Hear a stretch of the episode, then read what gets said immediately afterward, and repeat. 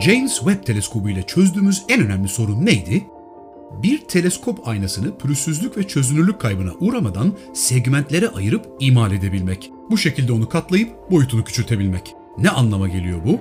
Yani artık uzaya gönderebileceğimiz teleskopların büyüklüğünü sınırlayan şey roketlerin boyut kapasitesinden ziyade yük taşıma kapasitesi. Günümüzde özel şirketlerin rekabeti sayesinde de sürekli yeni ve daha güçlü roketler yapılıyor. Var olan roketlerle bile origami ayna tekniği sayesinde James Webb'den çok daha büyük teleskopları gönderebiliriz.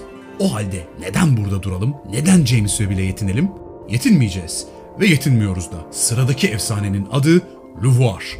Large Ultraviolet Optical Infrared Surveyor. Yani geniş mor ötesi optik kızıl ötesi teleskop. LUVOIR 15 metrelik diyaframı ile Webb'in iki katından daha büyük olacak. Uzun vadeli planlama böyle bir şey. Biz daha web için heyecanlanmaya devam ederken NASA 2040'ların nesillerini heyecanlandıracak görevler için çalışmaya çoktan başladı bile.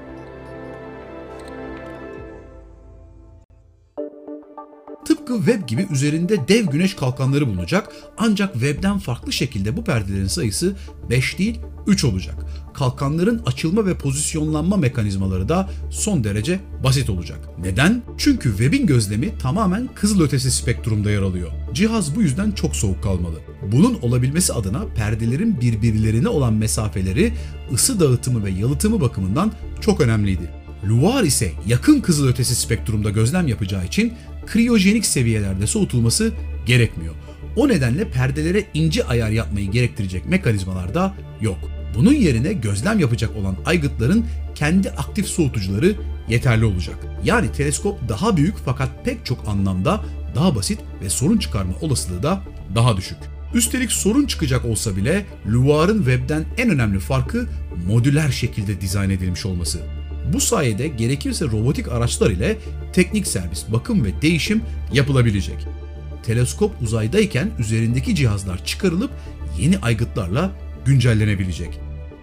Değiştirilemeyecek olan kısımları için 25 yıl ömür süresi öngörüldüğünden her 10 senede bir yani en az 2 defa güncelleneceği öngörülüyor.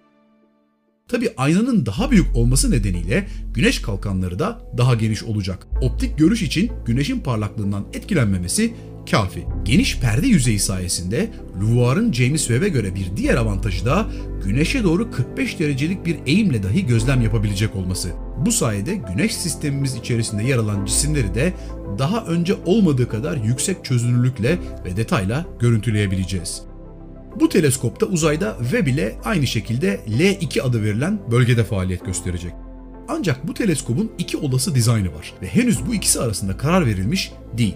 Bunlara A mimarisi ve B mimarisi deniliyor. Her iki dizaynda şimdiye kadar fırlatılmış, tasarlanmış veya tasarlanması önerilmiş olan her şeyden daha büyük. A mimarisinde ayna 15 metre çapında olacak, 120 adet altıgen parçadan oluşacak. Ancak B mimarisi seçilirse 8 metrelik 55 parçadan oluşan bir ayna bulunacak. A'da 4 görüntüleme cihazı yer alırken B'de sadece 3 adet yer alacak. B'nin diyaframı daha küçük ancak ikinci odak aynası büyük aynanın merkezi ekseninde yer almadığı için ana aynaya olan uzaklığı daha fazla. Bu şekilde diyafram genişliğindeki o kayıp ikincil aynanın daha verimli bir kronograf dizaynına sahip olabilmesiyle dengelenmiş olacak. Kronograf mı? O da ne? Hani yaz gecesi yatak odanızda sizi ısıran sivrisineği görüp yakalayabilmek için ışığı açmıştınız ama gözünüz kamaşmıştı. O nedenle de elinizi ampule doğru tutup gözünüzü gölgede bırakmıştınız. Bunu yapınca da tavanda lambaya yakın şekilde duran sivrisineği görebilmiştiniz. İşte o noktada eliniz kronograftır. Teleskopun üzerinde yıldızın ışığını bloke ederek çevresinde dönen gezegenleri görmemizi sağlayan disk de aynı işe yarar. Her iki olası mimaride de ayna segmentlerinin dizilimi kronografik performansın en iyi seviyede olabilmesi için optimize edilmiş durumda. O halde 15 metrelik A mimarisinin avantajı ne? Biz diğer her şeyden çok dünya benzeri gezegenler arıyoruz. En fazla ilgilendiğimiz konu da bu gezegenlerde hayat olup olmadığı. Bu tür gezegenler de daima yıldızlarına çok yakın mesafede olduğu için gözlemlenmesi en zor cisimler. Neden yıldızına daha yakın gezegenler dünya benzeri olabiliyor? Çünkü yıldıza uzak gezegenlerde maddenin sıvı halde bulunması oldukça zor. Örneğin burada gördüğünüz HR8799 olarak adlandırılan bir yıldız sistemi. Kronograf sayesinde sistemdeki gezegenleri görebiliyoruz. Ancak gördüğünüz 4 gezegende Jüpiter'den büyük ve yıldıza en yakın duranı bile Satürn'ün güneşi olan mesafesi kadar uzakta. Yıldıza yakın olan gezegenleri görebilmek için teleskobun çok daha fazla sayıda foton yakalaması gerekiyor. Bir teleskobun foton yakalama kapasitesi diyaframının karesi kadardır.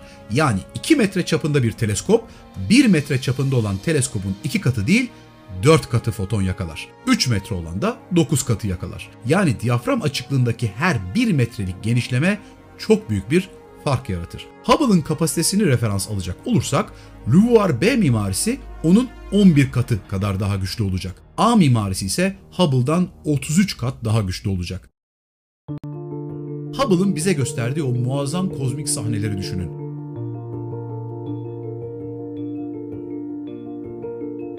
Ve bu fotoğraflara çözünürlük kaybetmeden 33 kat daha zoom yapabildiğimizi hayal edin. Heyecan verici öyle değil mi?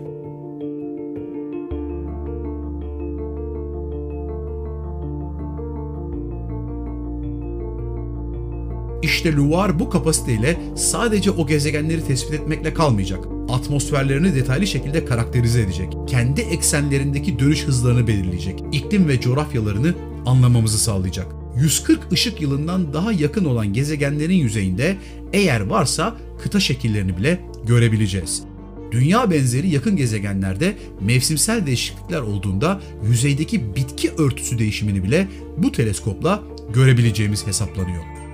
LUVOIR'ın tek görevi hayat olma olasılığı yüksek bir gezegen bulunca tamamlanmıyor. Ömür süresinde olabildiğince çok yıldız sistemini gözlemleyerek evrende hayatın ne kadar yaygın olduğunu da tespit edecek. Bu şekilde yaşama dair çok önemli bir bilimsel istatistiğe sahip olacağız. Bu istatistik üzerinden evrende yalnız değiliz ve hatta hayat evrende kaçınılmaz bir sonuçtur, sıradan bir olgudur gibi şeyler söyleyebilmek için statistical significance yani istatistiksel anlam ve önem ifade eden bir sayıya ulaşılması gerekiyor. Bilim insanlarının hesaplamalarına göre bu da üzerinde yaşam olabilecek en az 28 gezegen demek. İşte LUVOIR B mimarisi bu minimum istatistiği sağlayabilecek minimum araç. Ancak LUVOIR A mimarisinin ömür süresi içerisinde bu gezegenlerden 54 adet keşfetmesi söz konusu olabilir. Ki bu da gerekli olan istatistiksel anlam ve önemin çok üzerinde bir sayı. Yani A mimarisi seçilirse tüm olası belirsizlikleri ve değişkenleri de ortadan kaldırarak yaşam sıradan bir şey mi yoksa değil mi tartışmasına net şekilde son verebileceğiz. Tüm bunların elbette düşünsel ve felsefi sonuçları olacak. LUVOIR'ın başka görevleri de var. Yıldızların ve galaksilerin oluşumu, evrenin ilk zamanları, evrenin genişleme süreci tüm bunlar daha önce hiç olmadığı kadar detaylı şekilde incelenebilecek. Bunların da ötesinde LUVOIR yakın galaksilerdeki kara madde oranını ve dağılımını keskin bir şekilde belirleyebilecek. Özetle yeni nesil astronomların elindeki en önemli aygıtlardan biri bu olacak. Son olarak gelelim hangi mevcut roketlerin bu iki mimariyi uzaya çıkaracak kapasitede olduğuna. 2030'ların ortasında fırlatılması hedeflenen LUVOIR B mimarisini şu an sahip olduğumuz roketlerden SLS Block 1, Block 1B, Block 2, Starship ve New Glenn modelleriyle rahatlıkla uzaya gönderebiliyoruz. Ne var ki A mimarisini yalnızca Block 1B, Block 2 ve Starship taşıyabiliyor. Onların da bazıları için modifikasyonlar gerekli.